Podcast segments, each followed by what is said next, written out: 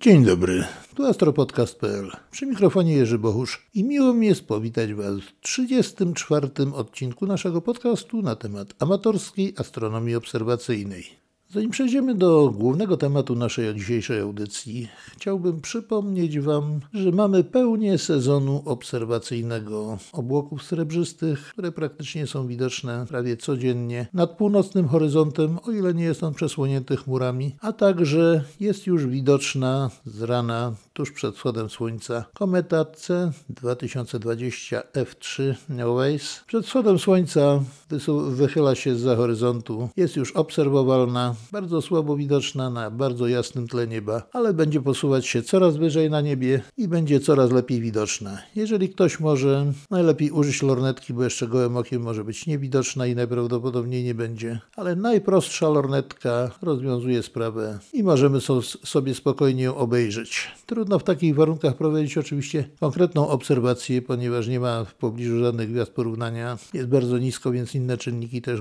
wchodzą w grę utrudniającą obserwację, ale zobaczyć zawsze można i warto.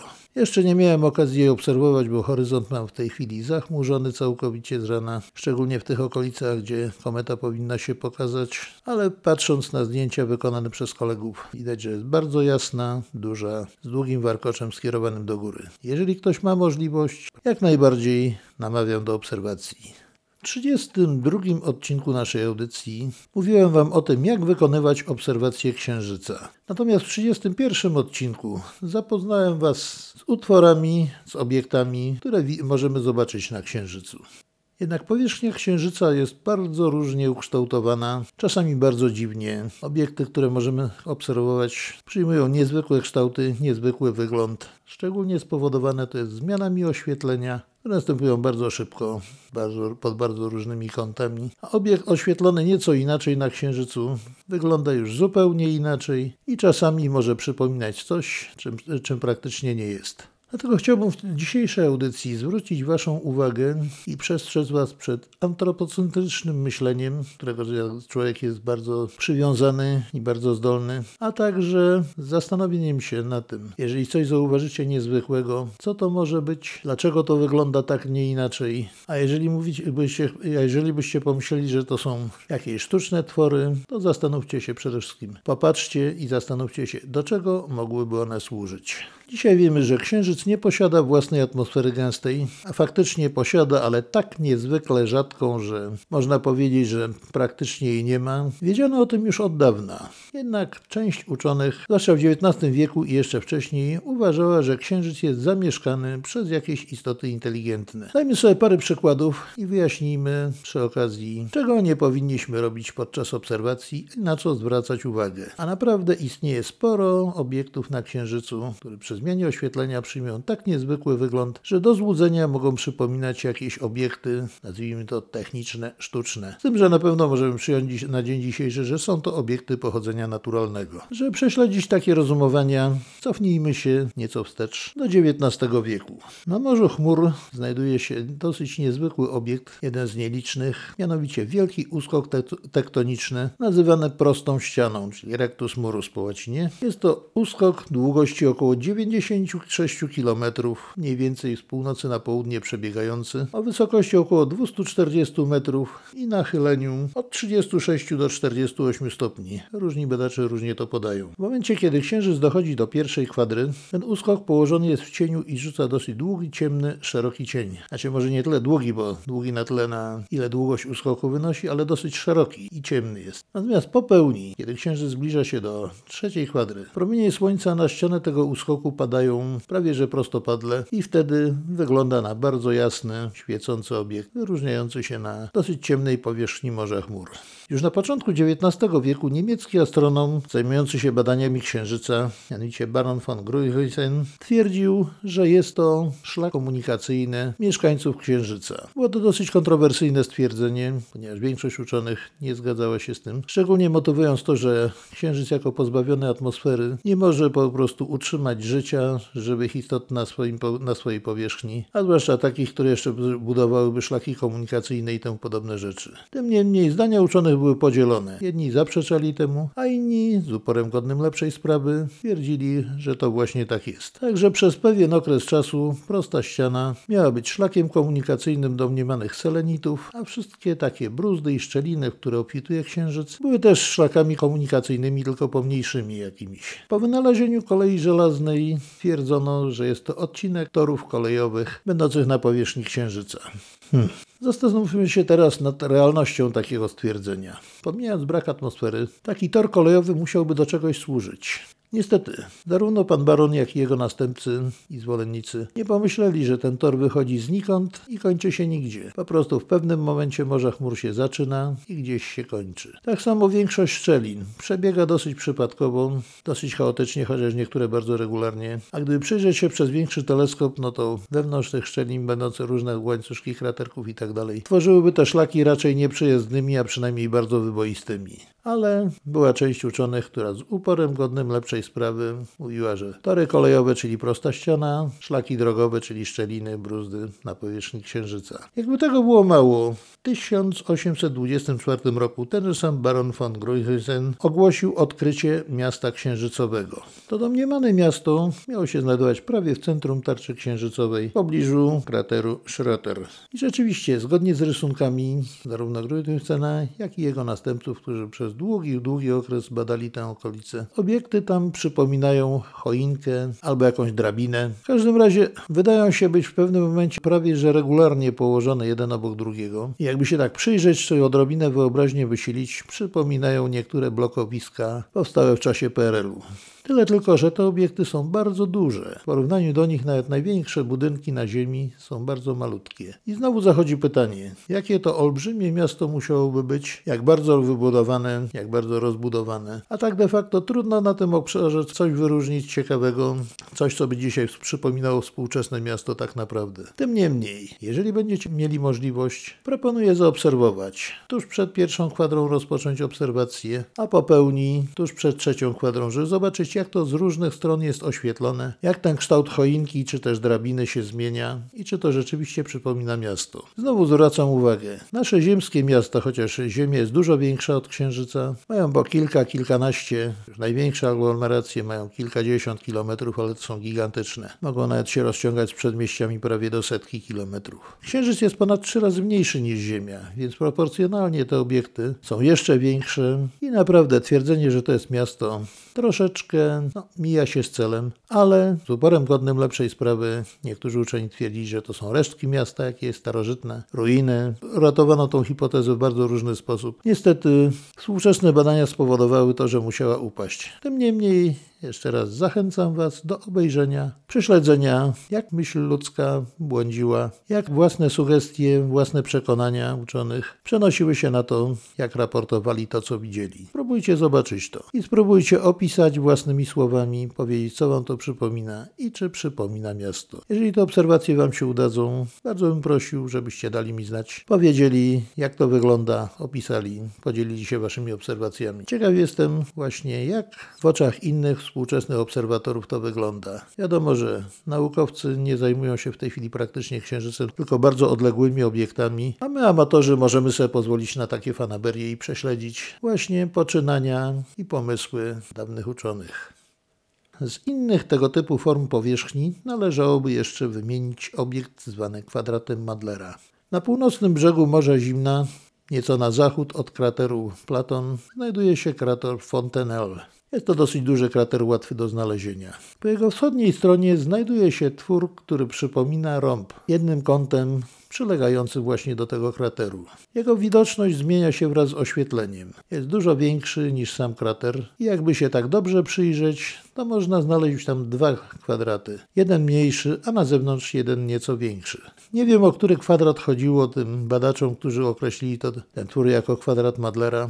Nie znalazłem w źródłach, do czego ten niby sztuczny twór miałby służyć, ale w każdym razie coś takiego jest i warto zwrócić uwagę, bo wygląda dosyć ciekawie. Z tym, że też w okolicach pierwszej kwadry i trzeciej kwadry można by go obserwować, kiedy będzie najbardziej plastycznie oświetlony z boku. Bo znajduje się też ponad środkiem tarczy księżycowej mniej więcej, więc w tym czasie będzie najdogodniejszy do obserwacji i można będzie spróbować zaobserwować go zastanowić się, jak zmienia się jego wygląd wraz z oświetleniem, jak to wygląda, do czego by to ewentualnie mogło selenitom domniemanym służyć, gdyby tak rzeczywiście miało być. W każdym razie są sugestie, jeszcze XIX-wieczne i wcześniejsze, że jest to twór sztuczny wybudowany przez mieszkańców Księżyca. Oczywiście dzisiaj wiemy, że tak nie jest, że jest to twór naturalny. Tym niemniej jest bardzo ciekawy, wygląda dosyć efektownie i tak samo usilnie zachęcam do jego obserwacji. Oczywiście w czasie pełni ani miasto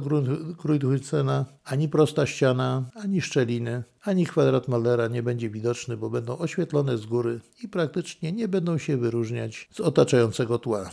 O tym, że rzeźba księżyca bywa bardzo urozmaicona, a zmiany oświetlenia mogą spowodować złudzenia optyczne i ukazywać rzeczy różnymi i bardzo zmieniającymi się w czasie, świadczy obiekt nazywany mostem O'Neilla, czyli Pons O'Neilly. Otóż 28 lipca 1953 roku O'Neill, będący amatorem astronomem i jednocześnie będący redaktorem naukowym New York Herald Tribune, obserwując księżyc przez 10-centymetrowy teleskop, twierdził, że dwa przylądki na zachodnim brzegu Morza Kryzysów, mianowicie południowy, zwany Promontorium Olivium, i północny, zwany Promontorium Lavinium, połączone są olbrzymim skalnym mostem. Obserwując ten obiekt, twierdził, że widzi półkolisty cień rzucany przez przęsło tego mostu i że pod tym przęsłem prześwitują promienie słońca.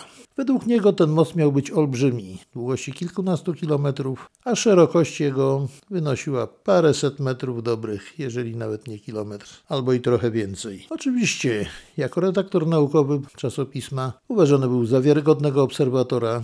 Oczywiście zgłosił do zawodowych obserwatorów, zwłaszcza tymi zajmującymi się księżycem, swoją obserwację, swoje rysunki i w ten sposób 26 sierpnia tegoż samego roku 1953 brytyjski obserwator dr Wilkins zaczął obserwować ten obszar swoim wielkim 38-centymetrowym teleskopem.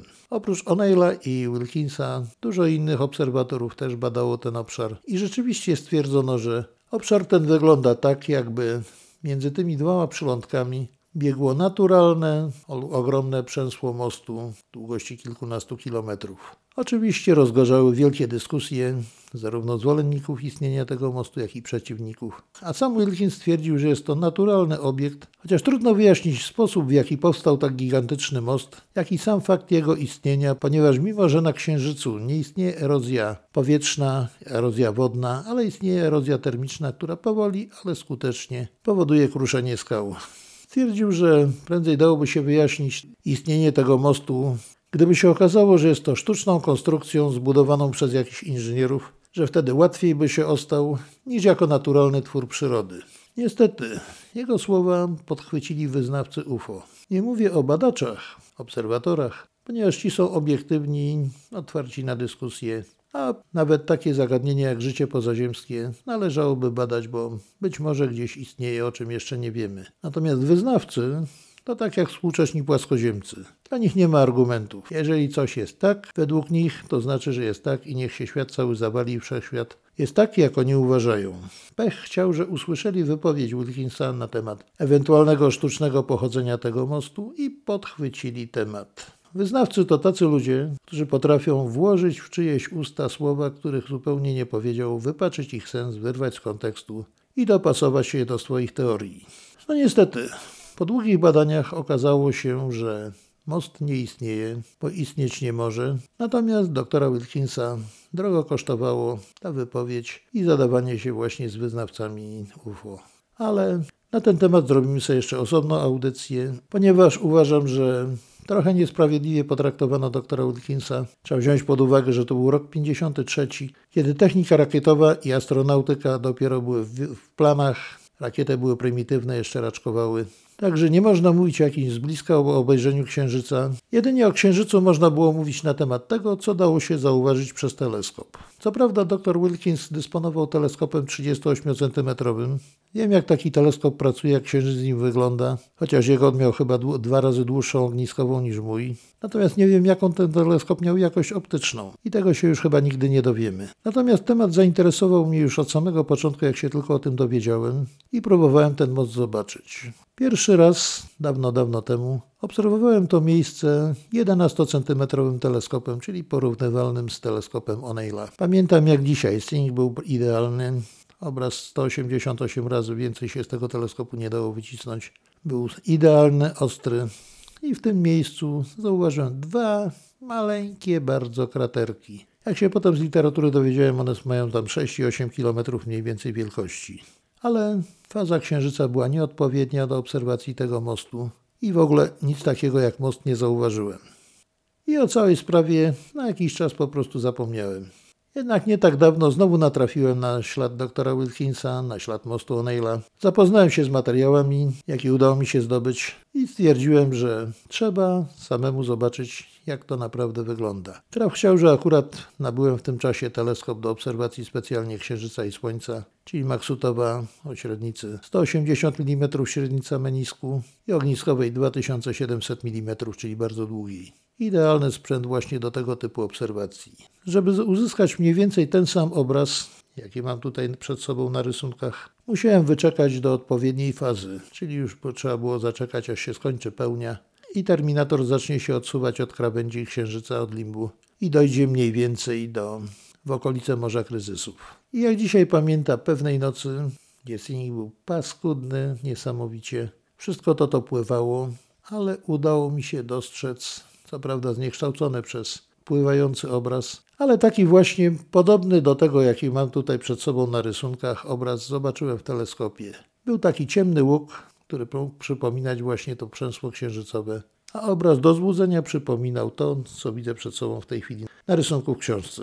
Oczywiście mostu księżycowego nie ma, jako taki on nie istnieje, ale warto zająć się obserwacjami, warto przebadać to przy odpowiednich fazach. Czy tak widać było, dlaczego tak było widać, chociażby po to, żeby zrehabilitować trochę doktora Wilkinsa, którego nam wykończyli jego reputację wyznawcy UFO.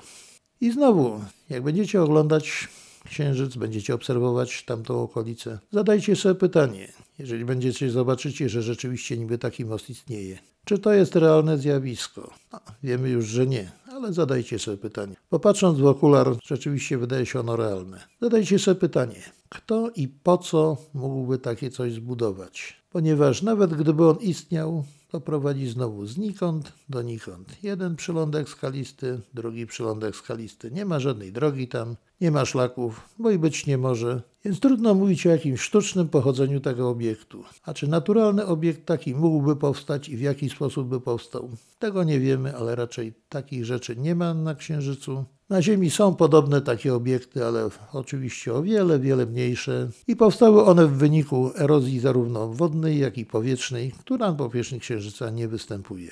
Tym niemniej, jeszcze raz podkreślam, jest to bardzo ciekawy obiekt. Okolica ta bardzo się zmienia, nawet z nieznacznymi zmianami oświetlenia. Warto zobaczyć jest je przed pełnią, a zarówno i po pełni, jak to jest oświetlone z obu stron. Jeżeli uda się Wam zaobserwować coś na kształt mostu, dajcie mi znać. Chociaż, prawdę mówiąc, wątpię, czy się uda, bo już wiecie, że tego nie ma. Ale ówcześni badacze nie wiedzieli, że takie obiekty nie istnieją i nie mieli możliwości inaczej sprawdzić, jak tylko przy użyciu teleskopów w obserwacjach naziemnych. My dzisiaj dysponujemy zdjęciami satelitarnymi, niekiedy z bardzo bliska robionymi, bardzo wyraźnymi i przeglądając je możemy zweryfikować zarówno miasto pana barona, prostą ścianę możemy z bliska obejrzeć, bardzo ciekawa, bardzo efektowna, ale to nie jest tor kolejowy. Możemy do szczelin brud zajrzeć, zresztą zajrzeli to już astronauci, do szczeliny Hadleya. Żadnej drogi, żadnych torów kolejowych tam nie znaleźli. Także nie ma na Księżycu sztucznych obiektów, a wszystkie te dostrzeżone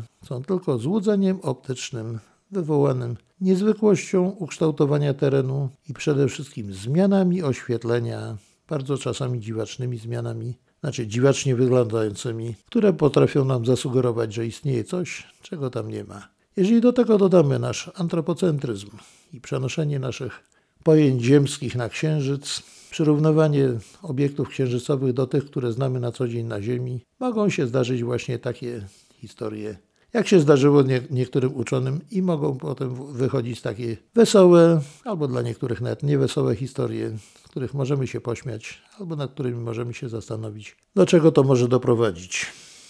Jeszcze innym przykładem jest myślenie życzeniowe i przenoszenie na Księżyc zjawisk, które nie mogłyby się wydarzyć na Ziemi. Otóż na Morzu Żelazności są dwa kratery, dosyć znane, charakterystyczne. Messier i Messier A. Leżą one nie, niewielkie odległości od siebie. Są to niewielkie kratery, leżące w, po kilkanaście kilometrów średnicy, mające leżące w niewielkiej odległości od siebie na terenie Morza Żyzności i w kierunku zachodnim wychodzi, wychodzi od nich tylko pojedyncza, jasna smuga, podobna do smug otaczających kratery np. Tycho, tym, że nie ma takiego wachlarza czy pierścienia smug, a wychodzą z nich tylko, tylko jedna podwójna smuga, dosyć długa, odbiegająca dosyć daleko w kierunku zachodnim od tych kraterów. Kratery te leżą na zboczach bardzo, bardzo łagodnej żyły księżycowej, czyli takiego podłużnego wyniesienia, z tym, że osie ich są prostopadłe jedna do drugiej. Wygląda to bardzo efektownie i dosyć dziwnie, ponieważ wszystkie kratery ze smugami są z reguły do, otoczone naokoło smugami, a ta pojedyncza smuga, jak taki ślad opon czy czegoś takiego, trudno nazwać, każdy może to sobie po swojemu określić. Wygląda to dosyć niezwykle, można nawet powiedzieć, że bardzo tajemniczo. Otóż w 1952 roku Amerykanin, pan Nenninger, który od dawna zajmował się zbieraniem meteorytów na terenie Stanów Zjednoczonych i nie tylko, zgromadził ich olbrzymią kolekcję, poświęcając w zasadzie wszystko, całe swoje życie temu hobby na początku. Potem już jak zebrał znaczną kolekcję, stał się specjalistą wybitnym w, w dziedzinie meteorytyki. Został nawet szefem Muzeum Meteorytów, bodajże w, w miejscowości Sedona. W każdym razie ten pan, przyglądając się temu kraterowi, stwierdził, że musiał on powstać w wyniku praktycznie stycznego uderzenia wielkiego meteoru, który uderzył w, w miejscu jednego krateru, tego bez smug, przebił się pod warstwą gruntu księżycowego, odbił się niejako od twardszej skały głębiej zalegającej i wyleciał tworząc drugi krater i zostawiając za sobą właśnie tą smugę. Hmm. A po tym uderzeniu właśnie pozostał tunel łączący obydwa te kratery. Taki trochę skośny w kształcie litery V. Ha.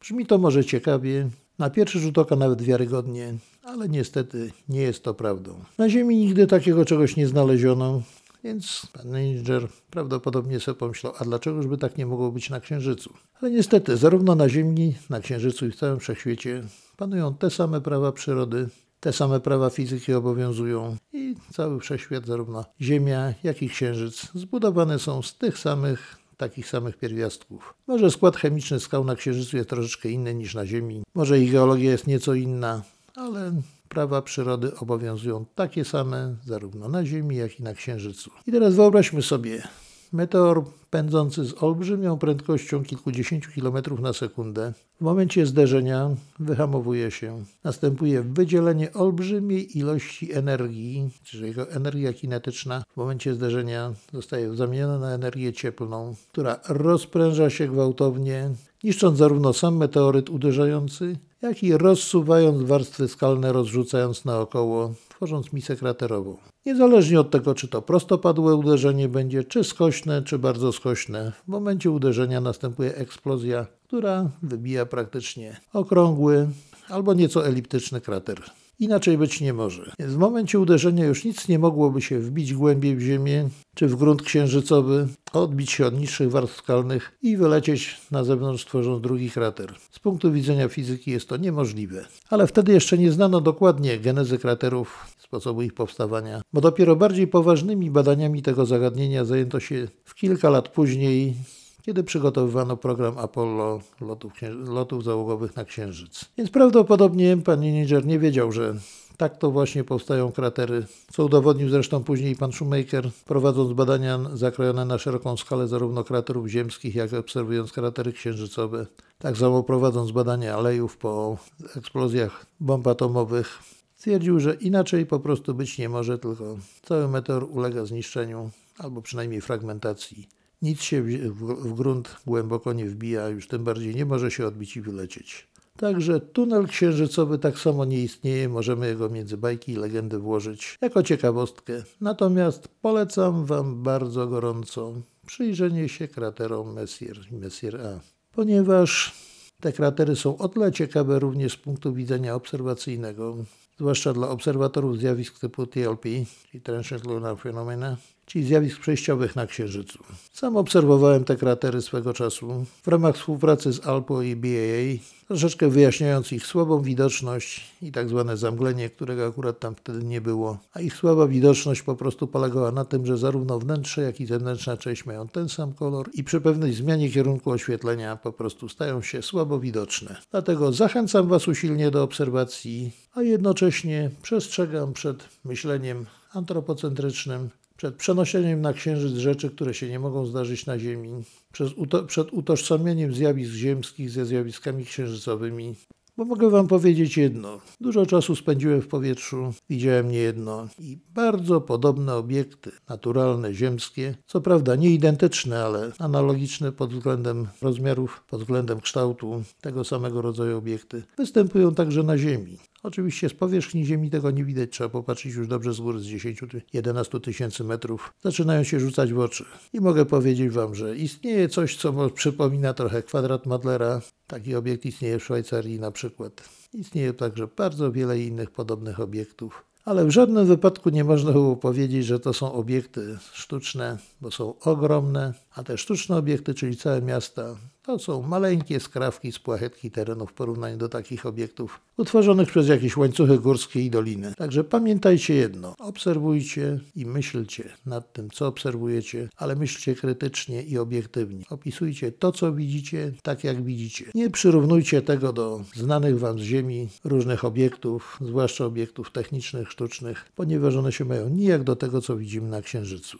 Natomiast te wszystkie rzeczy, o których mówiłem wcześniej, miasta księżycowe, jakieś obwałowania, jakieś fortece, drogi itd. Tak to tylko są złudzenia optyczne spowodowane zmiennym kierunkiem oświetlenia dosyć niezwykłych, niezwykle ukształtowanych formacji na powierzchni Księżyca. Księżyc ma bardzo bogatą rzeźbę terenu, chyba nawet bogatszą o wiele niż powierzchnia Ziemi bardziej urozmaiconą, więcej gór ma, a obrzeża mórz też mają dosyć ciekawe kształty, a i na samych morzach różne dziwne rzeczy występują ciekawe.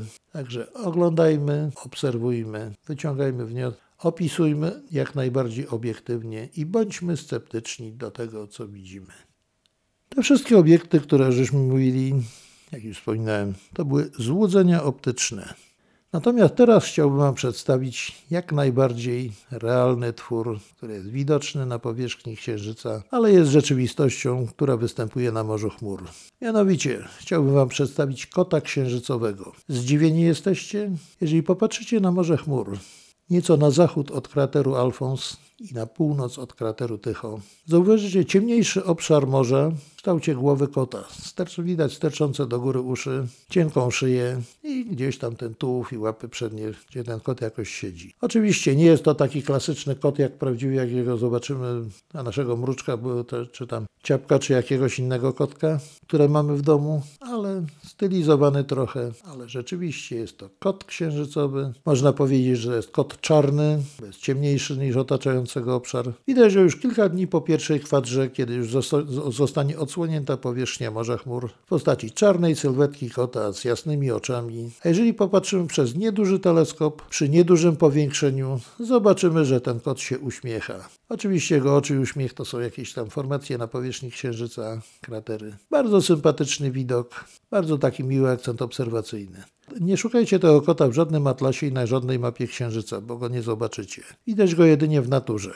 Jako ciemniejszy obszar o charakterystycznym kształcie ze sterczącymi uszami. Na pierwszy rzut oka możecie go nie zauważyć go nie widać ale jeżeli przyjrzycie się dokładnie obszarowi na północ od krateru Tycho i na zachód od krateru Alfons, tam mniej więcej jest głowa kota, jak raz go zobaczycie, będziecie go już widzieli za każdym razem. I będzie się on do Was uśmiechał przy każdej sesji obserwacyjnej. Na dzisiaj to już wszystko. Słuchajcie astropodcastu.pl. Jak zawsze zapraszam do kontaktu. Jeżeli macie jakieś uwagi, zapytania, jeżeli wykonacie jakieś obserwacje, prosiłbym, żebyście się podzielili ze mną. Możecie swoje uwagi zgłaszać zarówno na stronie podcastu, w komentarzach pod podcastem, możecie mailowo, na stronie kontakt są podane adresy, a także jestem dostępny na mediach społecznościowych, tak jak Facebook, Instagram czy Twitter, praktycznie cały czas. Macie pytania, macie jakieś uwagi, sugestie, obserwacje? Zapraszam, powiedzcie. Może jakąś audycję na ten temat też nagramy. Będzie to audycja już z Waszym udziałem i współtworzona przez Was. A na razie żegnam się z Wami, życzę Wam miłego dnia albo spokojnej nocy, zależnie kiedy tego słuchacie. A wszystkim obserwatorom, jak zawsze, życzę czystego nieba i udanych obserwacji. No i pozdrowienia od kota księżycowego. Do usłyszenia w następnym odcinku.